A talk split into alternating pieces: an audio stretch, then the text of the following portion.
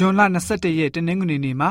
လေ့လာသွားမယ့်ဥပုသ္စာပြေသင်ခန်းစာရဲ့ခေါင်းစဉ်ကတော့အသက်ရှင်သောဖျားရှင်ဤနှုတ်ကပတ်တော်နှင့်တန်ရှင်သောဝိညာဉ်တော်ဖြစ်ပါတယ်။တမန်ကျမ်းစာကိုလေ့လာတဲ့နေရာမှာတင့်လျော်တဲ့ဤစနစ်နဲ့လေ့လာတတ်ဖို့အလွန်မှပင်အရေးကြီးလာပါတယ်။အရေးကြီးုံတက်တက်မဟုတ်သေးပါဘူး။အဲ့ဒါထက်အရေးကြီးတဲ့အချက်ကတော့ကျွန်တော်တို့လေ့လာသမျှကိုလိုက်လျှောက်ကျင့်သုံးခြင်းပဲဖြစ်ပါတယ်။တမန်ကျမ်းစာကိုလေ့လာခြင်းအတွက်ပန်းနိုင်ကတော့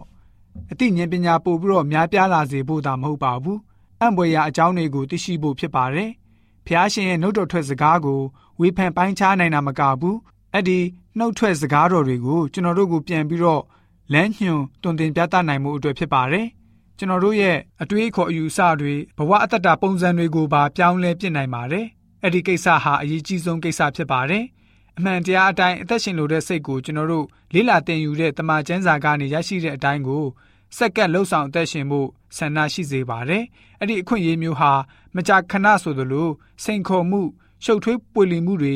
ပါရှိလာတတ်ပါတယ်။အကြောင်းရင်းကတော့ကျွန်တော်တို့ဟာကျွန်တော်တို့ရဲ့အတွေးအမြင်စဉ်းစားဆင်ခြင်မှုကိုကြီးစိုးထားတဲ့သူနဲ့ရှင်ပြိုင်တက်လန်နေရတဲ့အတွက်ကြောင့်ဖြစ်ပါတယ်။အဆုံးမှာကျွန်တော်တို့ကင်ဆွဲလိုက်လျှောက်နိုင်ဖို့အစွန်းနှစ်ဖက်ပဲရှိပါတယ်။ဖိလိပ္ပိဩရစာခန်းကြီး2 ငယ်7ကနေ16ကိုဖတ်ပါမယ်။တို့ဖြစ်၍ငါချစ်သူတို့သင်တို့သည်ငါမျက်မှောက်၌နားထောင်သည်တာမကမျက်ကွယ်၌လည်းအစဉ်နားထောင်ကြသည်နှင့်အညီကြောက်ရွံ့တုန်လှုပ်သောစိတ်နှင့်ကိုကိုကဲတင်ခြင်းကကိုယ်တိုင်ကြိုးစားအားထုတ်ကြလော့အကြောင်းမူကားသင်တို့သည်အလိုရှိစေခြင်းက၎င်းအကျင့်ကျင့်စေခြင်းက၎င်းသင်တို့အထဲ၌စေတနာတော်အားဖြင့်ပြည့်ပြည့်တော်မူသောသူကားဖျားသခင်ပေသည်သင်တို့သည်ပြုလေသမျှတို့၌မြည်တမ်းခြင်းငင်းခုန်ခြင်းမရှိဘဲပြုကြလော့တို့ပြုလင်အပြစ်တင်ခွင့်မရှိ အဘယ်သူကိုမျှမပြစ်မှားဘဲနေ၍မဖြောက်မမှန်ဖောက်ပြန်သောလူမျိုးအထဲ၌အဘယ်အပြစ်မှမပါသောဖျားသခင်၏သားဖြစ်ကြလိမ့်မည်အသက်ရှင်ခြင်းနှင့်ဆိုင်သောနှုတ်ကပတ်တရားတော်ကိုပြသ၍စကြဝဠာ၌နေလကျင်နှခကဲ့သို့ထိုလူမျိုးအထဲ၌ထွန်းလင်းကြ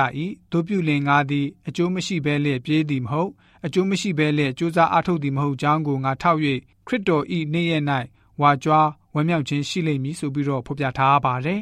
ဖျားရှင်ဟာကျွန်တော်တို့ရဲ့အတွင်းမှာလှုပ်ဆောင်ပြုမှုပေးတော်မူပြီးတော့တန်ရှင်းသောဝိညာဉ်တော်အားဖြင့်ကျွန်တော်တို့ကိုဉာဏ်ပညာနဲ့နားလည်တတ်ခြင်းသဘောကိုပေးပြီးတော့တမန်ကျမ်းစာကိုနားလည်ရခြင်းအခွင့်ကိုဖြစ်စေပါတယ်။ဆက်လက်ပြီးတော့အပြစ်နဲ့ရှိတဲ့လူတော်ဝါဖြစ်တဲ့အတိုင်းဖျားရှင်ချမှတ်တဲ့တမန်တရားကိုကျွန်တော်တို့ဟာစန့်ကျင်တတ်ကြပါတယ်။ကိုအားကိုကိုးပြီးတော့ဖျားရှင်ရဲ့စကားတော်ကိုမနာခံတဲ့သဘောမျိုးမရှိစေရပါဘူး။တန်ရှင်းသောဝိညာဉ်တော်မပါဘူးဆိုရင် ဖျားရှင်ရဲ့နှုတ်ထွက်သတင်းစကားကိုဖြန့်ချီလှုပ်ဆောင်လို့မရပါဘူး။မျောလင့်စရာလည်းအကြောင်းမရှိပါဘူး။မေတ္တာသဘောလည်းရှိမှာမဟုတ်ပါဘူး။ယုံကြည်ကိုးစားခြင်းလည်းမရှိနိုင်တော့ပါဘူး။တန်ရှင်းသောဝိညာဉ်တော်ကြောင့်သာထထဖျားရှင်ဟာကျွန်တော်တို့ကိုပြုပြင်ပေးတာဖြစ်ပါတယ်။တန်ရှင်းသောဝိညာဉ်တော်ဟာ